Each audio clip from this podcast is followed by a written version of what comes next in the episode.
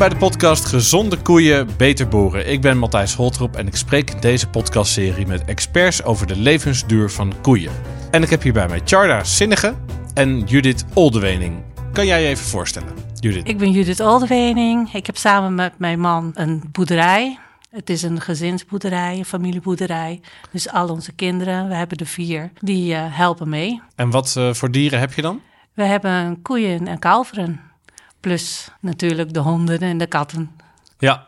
En jij, Charda? Ik ben Charda Zinnige, werkzaam bij eh, DAP het Drentse Hart als dierenarts sinds 2017. En kom op het bedrijf één keer in de drie weken bij de familie Oldewening. Zelf twee kindjes, getrouwd ook met een veearts. Dus uh, helemaal gelukkig. Nou, hartstikke uh, goed. Jullie hebben een speciaal rundvee-specialisme. Voornamelijk melkvee. Want er zijn meerdere takken ook nog. En wij doen uh, voornamelijk de melkveehouderij. Waarom, waarom kies je juist voor rundvee als specialisme? Ik heb gekozen vanuit de studie rundveeherkauwer te gaan doen, omdat ik de, toch het individuele dier nog wel iets interessanter vind dan bijvoorbeeld de intensieve houderij, zoals met varkens en pluimvee. Wat natuurlijk ook reus interessant blijft. Maar ik heb toch liever nog wat meer de connectie met de veehouder en ook het individuele zieke dier. Uh, waarbij koppelniveau ook nog steeds meegerekend is. Maar dat is mijn uh, passie geweest. En wat bedoel je met koppelniveau? Koppelniveau is gewoon de hele kudde koeien. En eigenlijk zit er ook nog wel een heel deel persoonlijk vlak in, ook aan de keukentafel. Deze podcast gaat over levensduur van dieren, van koeien vooral. Waar denk jij dan aan? In dit geval begin ik eigenlijk altijd bij de jonge kalfjes. Dus als dat goed gaat, dan ben ik ervan overtuigd dat jij een super duurzame, stabiele koe in je koppel krijgt. Dus hoe, hoe kan het dan bij het kalf beginnen? Nou, het begint eigenlijk niet bij het kalf. Het begint eigenlijk al bij het rietje. Het uh, rietje, wat is dat? Het rietje, ja. ah, ik, ik, weet al wat je bedoelt. Het rietje, ja. ja. nee, dat is het, uh, het, de sperma. De meeste koeien op het bedrijf kiezen we ervoor om kunstmatig te insemineren. Zodat we niet te maken hebben te veel met een gevaarlijke stier in het koppel. Hoeft natuurlijk niet altijd gevaarlijk zijn. We hebben ook bedrijven die heel goed met stieren kunnen werken. Maar eigenlijk begint daar al bij de bevruchting begint al het stukje genetica voor de jongvee. Dus daar mm -hmm. start het. Nou ja, dan heb je de drachtperiode en dan uiteindelijk wordt kalf geboren. En daar zit ook een heel deel belangrijke imprinting in, want een kalf wordt zonder antistoffen geboren, wat bij de mens iets anders ligt. Want een kalf wordt eigenlijk zonder immuunsysteem geboren en dat moet met de eerste melk, de biest noemen we dat, wordt het afweer van het kalf bepaald. Nou, en dat stukje, dat is bij de familie Oldewening enorm goed. Dan gaan we daar eens over doorpraten. Judith, wat doen jullie zo goed met die biest? Nou, het wordt opgevangen en dan gaat het gelijk door naar, uh, naar bij ons dan bij uh, de jongvisstaal waar wij de kalfjes hebben. En uh, dan wordt het gelijk gegeven. Dus er zit niet heel veel tussen, zeg maar, waardoor allerlei andere bacteriën de kans hebben om de biest te vervuilen eigenlijk. En wat is daar dan bijzonder aan? Heb je daar een bijzonder apparaat voor? Of? Nou, wij proberen het wel eerst met een, uh, een speenemmer. Maar als het kalf uh, het niet wil, gelijk uh, te drinken, wat eigenlijk niet vaak voorkomt, dan doen we het met een zonde. Want de eerste bies mag met een zonde gegeven worden. Dan krijg je direct een compliment, hè? dat het zo goed gaat met de biest. Ja. Kan jij ook uitleggen waarom levensduur te maken heeft met jonge kalfjes?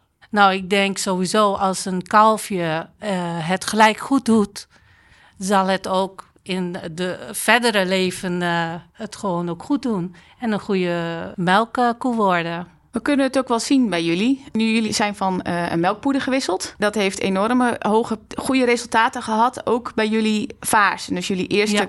eerste kalvende koeien. Dus die als eerste een keer kalfje gehad hebben, noem je vaarsen. En daarin kun je ook zien dat die een veel mooiere ontwikkeling hebben. Ja, de, de kalfjes bij ons die zijn ook sinds wij deze melk gebruiken ook veel, uh, ja, hoe noem je dat? Bespierder. Bespierder dan dat ze eerder waren. Dus ja, daarom kan je ook gewoon zien dat ze veel uh, sterker worden en mm -hmm. zijn. Maar je hebt het over melkpoeder. Ja. Hoe werkt dat? Ja, je hebt eigenlijk de melk wat je van een koe direct zou kunnen geven. Je hebt daarvoor vervangende uh, melkpoeders, kunstmelk. Dus denk daarbij aan bijvoorbeeld uh, borstvoeding of je geeft ze de fles. Om het even ja, naar de mensen te vertalen. Ja, naar ja. de mensen toe te vertalen. En in dit geval kiezen wij hier voor het bedrijf voor... Uh, in de periode geef je eerst de koemelk, dus dat is die biest. En daarna ga je over naar de kunstmelk. Waarom? Kunstmelk, dat geeft eigenlijk een hele stabiele factor, want je voert altijd hetzelfde. Een herkauwer heeft vier magen. Netmaag, pens, boekmaag, lepmaag. En bij de, de ontwikkeling van een kalf naar een koe... De kalf wordt eigenlijk met één maagje geboren. Het gaat eigenlijk direct door een slokdarmsleuf, dus een soort passage... gaat het direct die lepmaag in. Nou, dat kunnen we vertalen als eigenlijk als onze maag. Daar, daar zitten de zuren, de sappen, eh, alles. Daar, de laatste vertering.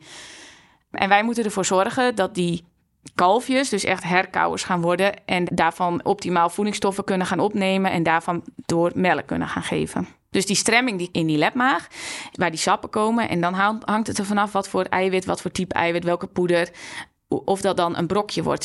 Zeg maar dat kaas. Dat eerste kaas maken, zie je ook altijd dat dikker geworden. Precies, ja. Dat stremsel, dat bepaalt of het langer in die lepmaag blijft, waardoor er meer voedingsstoffen vrij kunnen komen. En hoe die koe zich ontwikkelt. Juist. Dus.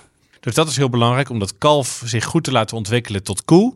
En dat is uiteindelijk ook weer van belang voor uh, het ontwikkeling van het beest op de langere termijn en dus ook de levensduur. En wat heeft dat dan voor jou in het bedrijf uh, veranderd, Judith? Dat je op zo'n manier naar je kudde kijkt? Nou, of is het altijd zo geweest? Ik weet niet of het heel erg wat veranderd heeft. Wel weet ik dat ik daar anders naar ben gaan kijken.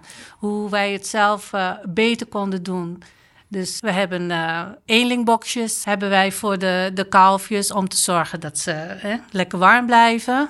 We geven ze allemaal aparte speenemmer. Dus ze hebben allemaal hun eigen speenemmer. Om te zorgen ook dat er niet te veel andere bacteriën van anderen erbij komen. Nou, je bent er op een andere manier naar gaan kijken. Hè?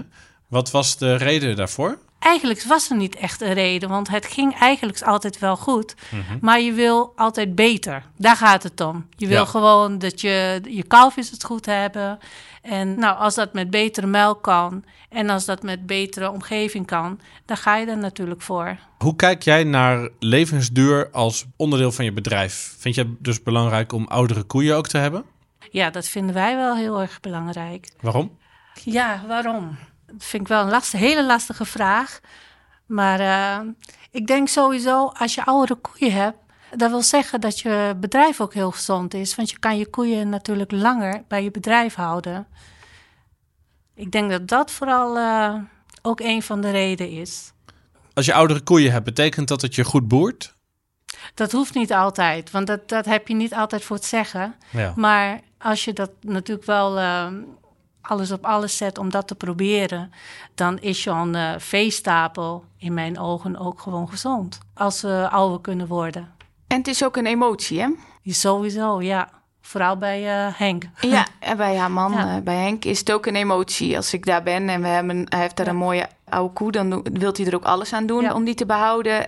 En weer het nieuwe kalf erbij te krijgen. Ja, want hij is natuurlijk ook degene die het meest met de koeien omgaat. Hè? Ik ben meer voor de jongvee. En daar loop ik vaker tussen. En hij zit echt eh, bij de koeien. Dus ja, je, je bouwt daar ook een band mee op. Het is niet eh, nummer zoveel, zoveel. Nee, het is echt een, een, eh, ja, Een bekende. een bekende, ja. Dus je bouwt er een band mee op. Je ziet het ook als kracht voor je bedrijf. Ja. En in de praktijk betekent het ook dat een oudere koe dus meer aandacht nodig heeft, meer aandacht krijgt. Nou, niet zozeer meer aandacht krijgt. Ze krijgen allemaal eh, Ja, eigenlijk precies. wel aandacht, ja. Ja, Maar ze Ja. behoeven misschien wel wat meer aandacht. Een oudere koe heeft wel een keer een extra steuntje nodig. Of even. Maar bij, bij jullie valt het wel, moet ik wel zeggen, bij jullie gaan eigenlijk de koeien draaien eigenlijk altijd wel goed mee in de ronde. Ja, samen als koppel, ja. Ja. ja. maar Henk wil altijd de koeien graag houden, hè, hoorde Ja, ik Ja, net. Henk Ja. wil de koeien houden. Ja. Ja. Is er ook een logisch moment waarop je afscheid neemt? Eh, die is er. Wat is dat moment, normaal gesproken? Wat op een gegeven moment een logisch moment is, als wij naar dit bedrijf kijken, dan is dat denk ik op een gegeven moment wel klauwgezondheid. Dat eh, als, nou, als uiteindelijk, nou, dan, dan ja, is het echt een oma koe die gewoon stram in de benen komt. En eh, ja, uiteindelijk dan niet meer kan. Dan is het op. Het is op. Dan, dan wil ze, en jullie hebben een heel mooi eh, zandhok en een strohok. En daar ligt ze dan en dan wordt ze echt verzorgd. Dan komen ze met emmers water erbij en bakkenvoer. En zorgen ze er echt voor. En dan, nou, dan ben ik misschien wel degene die uiteindelijk zegt van... Nou jongens, het is op. Ja, het is wel klaar. Misschien Ja. is het beter om. Ja, misschien is het beter Ja. om. Ja. Ja. En dan is er dan, want ik ben een leek hoor. Ja, Ehm, kan je van zo'n koe nog een biefstuk maken? Als een koe echt op is? Of Nee. In dit geval, nee. En dat is ook het stukje emotie, hè? Want een dier moet wel, nou, moet dan ook nog vervoerd worden. Moet ook naar, naar een slachthuis in dit geval. En nou, familie Oldewening kiest er dan ook voor om te zeggen van, nou, ze heeft hartstikke goed haar best gedaan. Het is goed zo. En wat is dan een mooie leeftijd voor een koe als die bij jullie afscheid neemt? Ja. Nou ja, we hebben ze ook wel van 17 jaar Ja? ongeveer. Maar ja, ze zijn ook wel jonger. Alleen, ja, nu, nu met de fosfaat, laten we daar ook eerlijk over zijn. eh, heb je ook weer andere keuzes te maken. Hè? Want je moet, eh, de melk is voor ons natuurlijk wel onze inkomsten. En eh, met al die regels is het gewoon niet altijd meer eh, handig om je eigen koe een eh, bejaardenhuisje te geven eh, in je eigen stal. Wat wij vroeger wel deden. En dat vind ik eigenlijk wel heel erg jammer. Dat dat gewoon niet meer kan door al deze regels. Kan je dat concreet maken? Hoeveel dat kost of wat je ervoor moet doen of laten? Nou ja, je hebt maar eh, zoveel fosfaatrechten. En als je daar overheen gaat, dan kost je dat geld. Dat wil je natuurlijk niet. En dat kan ook niet altijd. Dus dan zou je ook moeten kiezen. Voor een koe die nog wel melk geeft. Ja, ja. En dan is de productie leidend en niet zozeer de vriendschap of de jaren ervaring. Ja, dat is nou een beetje deze tijd, hè? Dus een koe van 17 jaar, dat is eigenlijk met de huidige regels niet meer wenselijk. Zolang ze gezond zijn, wel. Hè? En zolang ze produceren, natuurlijk wel. Dan zijn ze zeer wenselijk. Alleen eh, als het niet meer kan, dan niet meer. Nee, dan moet je toch kiezen voor eh verjonging, ja. Ja, hoe kijk jij ernaar, Charda? Nou, ik vind dat wel een dingetje. Ik vind wel, eh, als je nu ziet in de huidige wet en regelgeving, dat er soms keuzes gemaakt moeten worden waar veehouders eigenlijk helemaal niet achter staan. Dan doet dat ook wel zeer. En dan doet dat ook zeer dat ik daar een keuze voor kan maken voor hun. En nou, dat is wel wat gebeurt. En ja, ik noem het altijd een beetje, dat is het grijze gebied. Wat ook heel moeilijk is om, naar, om eh, over te hebben met anderen, om dat uit te leggen wat dat eigenlijk is. Dat het niet vaak onze keuze is, hè, hoe dat soms gaat. Maar en mensen het- hebben er een oordeel over. Het oordeel dat een koe moet worden afgemaakt omdat ze geen melk meer geeft. Ja, nou ja, Zeg ik het goed? Of wel- Ja, welk, ze welk geven oordeel? ook wel melk, Ja. maar dat, dat een dier op is, ja, dan wordt er gezegd, ja, ze is uitgemolken, ze is, eh, het is eh, sloopmelk, het is dat soort dingen. En dat denk ik niet, want ik denk dat juist als ik zie, en dat vind ik ook wel lastig om het beroep soms ook leuk te houden voor onszelf, is dat die passie niet gezien wordt door de buitenwereld. En dat vind ik soms wel heel eh, emotioneel kan dat wel opbreken. Nou, daar proberen we iets mee te doen. Maar zoals vorige week zei een jonge veehouder... ja, ik moet doorgaan, want stilstaan is, eh, stilstaan is achteruitgang. Nou, die woorden gaven me ook wel weer inzet voor mezelf... dat ik denk, zo is het ook. Ja. Want de emotie zit hem ook in dit geval dus dat je het liefst de koeien in een klein bejaardentehuisje Eigenlijk achter in wel. de stal zou willen hebben. ja. Oh, daar zouden jullie perfect dat, voor eh, zijn. ja, en dat hadden wij ook wel. Hè. Zo, als het kon, dan hadden we een, een ruimte waar we de oude koeien eh, nou, ja, konden plaatsen. En ja, het- de koeien, ja, weet je, we hebben ook gewoon hart voor onze dieren. En je wil ze niet zomaar wegdoen. Ja. Niet om die reden wat, wat je eigenlijk nu doet. Je wil ze gewoon bij je houden. En eh, ja, dat, dat kan gewoon niet altijd. Ik vind het wel knap om te horen dat je altijd probeert om een koe tot de, de uiterste levenstijd bij je te houden. Ja, wel te proberen. Ik vind in ja. ieder geval leuk om te horen dat, dat koeien wel oud kunnen worden bij jullie. Zeker wel. Niet alleen bij ons, hè, bij heel veel. Ja, zeker. Ja. Maar jij zit hier aan tafel. Hoe doe je dat? Wat is het geheim om een koe gelukkig oud te laten worden? Sowieso de omstandigheden. Je probeert dat ze eh, binnen in de stal gewoon het goed hebben. De voeding, daar kijk je heel erg naar. En wij eh, vinden het heel fijn dat zo gauw ze naar buiten kunnen, dat ze ook naar buiten kunnen.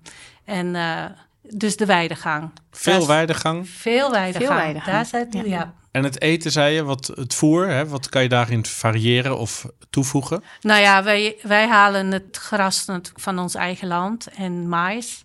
Nou, en daarbij ga je kijken van, eh, zit daar alles in? En als alles daar niet in zit wat goed is voor een koe, ja, dan doe je dat er wel bij. Zodat ze, hè, net als bij ons, uh, een beetje zout, een beetje peper. Nou ja, dat doe je dan bij de koe ook. Vitaminepilletje. Ja, zoiets. dat doe je bij de koeien, uh, doe je dat ook. En uh, proberen ze ook zo uh, gezond uh, te houden. En als we dan zien dat er iets niet helemaal in orde is, ja, dan roepen wij Tjada van kom even kijken. Dit of dat is aan de hand. En dan kan zij ons daar weer mee helpen. Maar wat jullie net ook, jullie hebben afgelopen jaar ook geïnvesteerd in ventilatoren in de stal. Ja. Uh, zeker met die rare zomers tegenwoordig. Die zo heet zijn. Die zo heet zijn. En uh, nou, daar is ook echt positief resultaat. Dat je toch wel echt ziet dat je die koeien koel houdt. Dat je ze goed, uh, die motor, dus die, die pens goed laat draaien. Daardoor de gezondheid van die dieren ook optimaliseert. Dus preventief werken betaalt zich ook echt uit. Ja. Ja. Nou sprak ik eerder vandaag een veehouder. Die zei, nou, kijk, als ik jong vee heb, ben ik ook gewoon heel nieuwsgierig hoe die zich gaan ontwikkelen. En dat vind ik ook leuk en spannend. En dan is het ook verleidelijk om te zeggen, nou, dan doe ik een wat oudere koe die wat minder opbrengt. Die doe ik dan weg. Hoe kijk jij daarnaar? Ik denk dat dat, meer Henk zijn. Uh, dat is, ja. ja. ja. Judith doet echt, zeg maar, die jonge, die jong, die, dat jonge stukje. Tot ongeveer een jaar. Oké. Okay. Die zijn uh, een beetje onder mijn hoede. En die van mijn zoon. Want mijn zoon is sinds uh, begin dit jaar ook op de boerderij. En wij doen samen uh, het jong vee. Plus hij doet dan ook het oudere vee. Ja. Maar, uh, maar is dan de consequentie, omdat jullie kiezen voor ook oudere koeien, betekent dat ook dat jongere koeien eerder weg moeten? Nee. Of verkocht worden? Nee, nee, in ons geval niet. Het hangt ook vanaf hoeveel er geboren wordt natuurlijk. De stiertjes gaan bij ons wel weg, maar de vaasjes houden wij wel. En uh, ik moet zeggen, ja, de laatste tijden hebben wij gewoon heel veel stiertjes.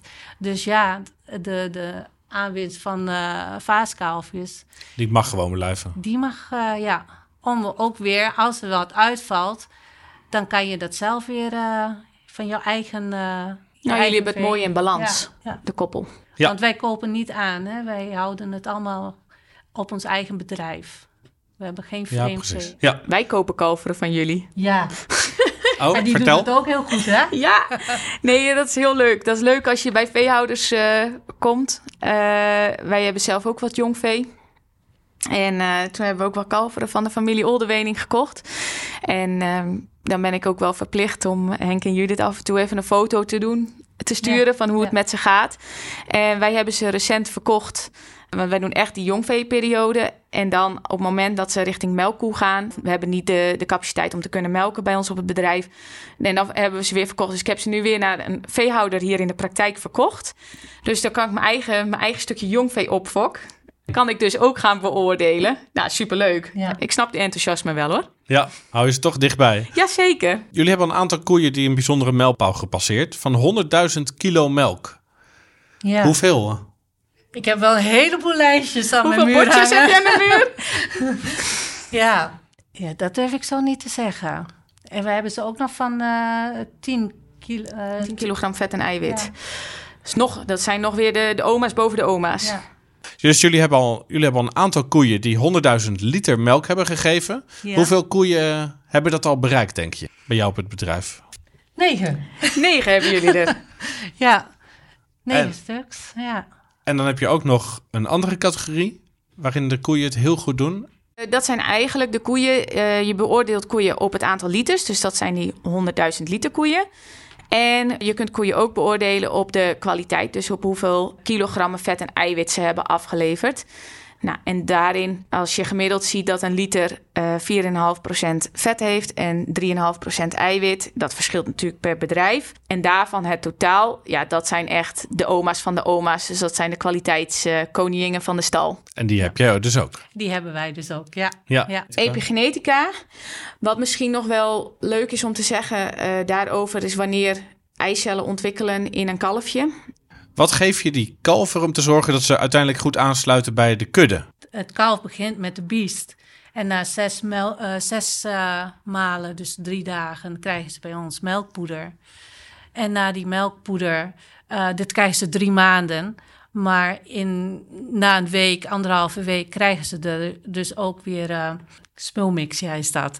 Okay. En uh, er zitten dan brokjes bij en wat uh, kleine stukjes stro is dat. En um, ook voor, voor hun pens is dat, toch? Ja. En um, als ze dan na drie maanden, dan komen ze bij ons op de roosters en daar krijgen ze dan weer kuil. Maar de eerste, de, nou ja, de jongsten, die worden bij ons, tenminste worden door mij en mijn zoon uh, wel een beetje verwend met extra brokjes. En dan krijgen ze ook nog steeds die smulvoer erbij. En dan uh, kuil om te zorgen dat ze niet weer een terugval hebben. Want van strohokken naar uh, roosterhokken is natuurlijk wel een heel groot verschil. Nou, en zo gaan ze langzaam verder tot uh, aan uh, ruim een jaar. En dan gaan ze bij ons weer naar de grote stal. Maar ook in die tussentijd, als het dan hè, in de zomer, gaan ze bij ons ook naar buiten. We proberen ze allemaal zoveel mogelijk naar buiten te krijgen, zodat ze weten hoe het is om gras te eten en ja. zelf te plukken. Wat kan je verder nog doen om die levensduur te verhogen? Zoals het bedrijf aangeeft, is dat ze de kalveren ook weiden. Wij hebben wel afgesproken met elkaar dat we de kalveren onder de zes maanden niet weiden. Ze komen er eigenlijk wat later uit om te weiden, om te leren. En daarmee ook het stukje duurzaamheid. Want als ze dit dus als leren als jong dier, dan zullen ze strakjes als ze met de melkkoeien naar buiten gaan, ook meer gras opnemen. En ja, hoe meer voeding een koe tot zich neemt, hoe beter de conditie, hoe beter uh, de productie ja, voeding, dat draait je bedrijf op. Vroeg naar buiten, lekker eten. Ja, maar niet te vroeg, want anders dan, dan vallen ze eigenlijk te veel terug. Want ze hebben eigenlijk in die jonge periode hebben ze een hele stabiel rantsoen nodig. Daar is dit bedrijf uh, voert ook geen uh, mais. Dat is ook uh, wat aan, de jongvee, aan het jongvee niet. Dat doen we ook expres, omdat ze kunnen eigenlijk in het begin niet zo heel veel met mais. Daar hebben ze eigenlijk die, die brokjes voor nodig ja. en een kuil erbij. En daardoor komt die groei van het jongvee en dus ook die pensontwikkeling in gang. En die pensen ontwikkelen, dat daar echt goede papillen in komen. Dus echt die sprietjes in de, in de pens, dus in die maag. En daarmee maak je oppervlakte. En hoe meer oppervlakte die pens heeft, hoe meer nutriënten ze kunnen opnemen, hoe beter vermogen tot voedingsstoffen opnemen en hoe beter vermogen tot een duurzame koe. Nou, hebben we hoop geleerd over hoe de koe van binnen eruit ziet en hoe ja. dat werkt. Ja, dan is het wel belangrijk dat die kalveren, als ze net zijn geboren, melk krijgen waar heel veel in zit. Want ze hebben direct die vliegende start nodig. Ja. Hoe krijg je dat voor elkaar? Ja, door de biest. Want ik krijg namelijk de biest in een emmer en geeft het aan, uh, aan het kalf via een uh, speenemmer. Mm -hmm. Maar als de kalf goed, nou ja, goed uh, vanaf het begin eigenlijk goed hoe, hoe zeg je het dat? goed doet. Goed drinkt, goede zuigreflex heeft. Ja. Kijk, dan, uh, dan kan je de biest ook zo geven. En dan blijkt ook later dat hij ook gewoon steeds beter het tot zich neemt. Zowel de biest als de gewone melk na die tijd. Of de gewone melk, de poedermelk wat we dan geven. Ja. ja. En wij hebben er uh, destijds hadden we een beetje wat te krappe biest. En hebben we ervoor gekozen om wat, nou, droogstandsrantsoen wat aan te passen. Ja. Dus het droogstandsrantsoen, dat houdt in wat de zwangere koeien, de droge koeien, eten. Toen zagen we dat de vitaliteit van de kalveren niet optimaal waren. En die kregen diarree. En belangrijke punten op het bedrijf is eigenlijk dat je nou diarree en luchtweginfecties niet wil hebben bij de kalveren. En dat is eigenlijk in dit geval heel simpel op te lossen. Daarbij geven we de koe een vaccinatie. En uh, die vaccinatie krijgt zij in de droogstand. Kun je vergelijken met bijvoorbeeld de kinkhoesvaccinatie bij mensen. Die doe je ook tijdens je zwangerschap. Kun je dat doen? Nou, dan de koe maakt dus extra antistoffen aan. Dus soldaatjes die, de, die tegen die diarree kunnen werken. Nou, daarbij zien we super, super resultaat. Want eigenlijk, uh, nou, volgens mij hebben jullie het niet meer zo druk bij de kalveren nu betreft gezondheid. Qua gezondheid niet, maar wel qua kalveren die komen. ja. ja, dus het is echt een combinatie van uh, voeding, van voorbereiding met vaccinatie, met goed opletten ja. wat die zwangere koe allemaal eet. Ja. En uiteindelijk krijg je daar dus ja. gezonde kalveren voor terug. Ja, klopt.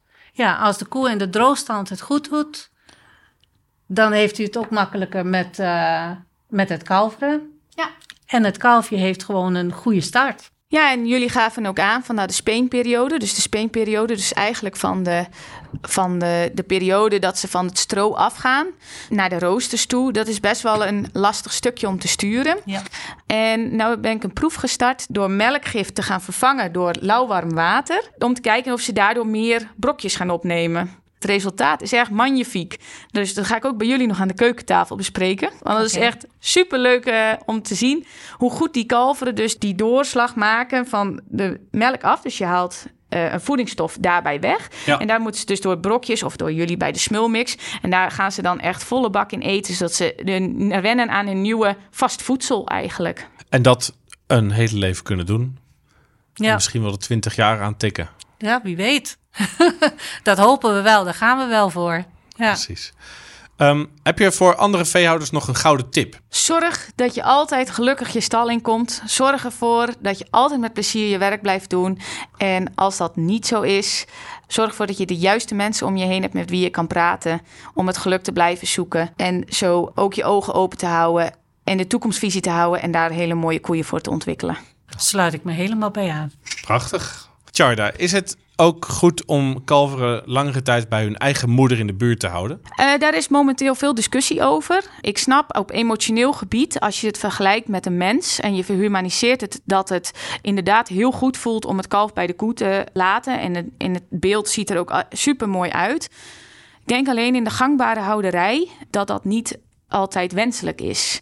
Nou heb ik afgelopen week, dat is helaas goede voorbeelden ervan, heb ik helaas drie kalveren gehad waarbij de moeder, en dat zijn echt wel grote strohokken, maar dat de moederkoe dus op het kalf heeft gestaan en daardoor de poot breekt. Dat zijn wel dingetjes die voorkomen hadden kunnen worden of dat een koe erop is gaan liggen. Dat ze, ze zijn het ook niet meer gewend dat het kalf er helemaal bij loopt en tieren er ook niet altijd naar. Dus je krijgt er ook ongelukken van. Ja, je krijgt er ongelukken van. En wat we ook zien, we proberen zo gezond mogelijk product. Want uiteindelijk is natuurlijk het product de melk eh, af te leveren. En daar kan voorkomen dat wij kalveren ziek maken door juist wel het melk te voeren van eigen koe, van de moederkoe. Dus dat is een keuze waarbij we zeggen dat het in deze houderij niet altijd wenselijk is. Dan denk je bijvoorbeeld aan salmonella of paratuberculose. En dat willen wij voorkomen door onze koeien daardoor niet ziek te maken. Better be safe than sorry dan. Yes. Dankjewel. Drentse boeren die willen werken aan gezonde koeien en levensduur kunnen contact opnemen met dierenartsenpraktijk Het Drentse Hart. Boeren die interesse hebben in de studiegroep eiwitefficiëntie en bodem-plant-dierrelaties kunnen contact opnemen met de provincie Drenthe.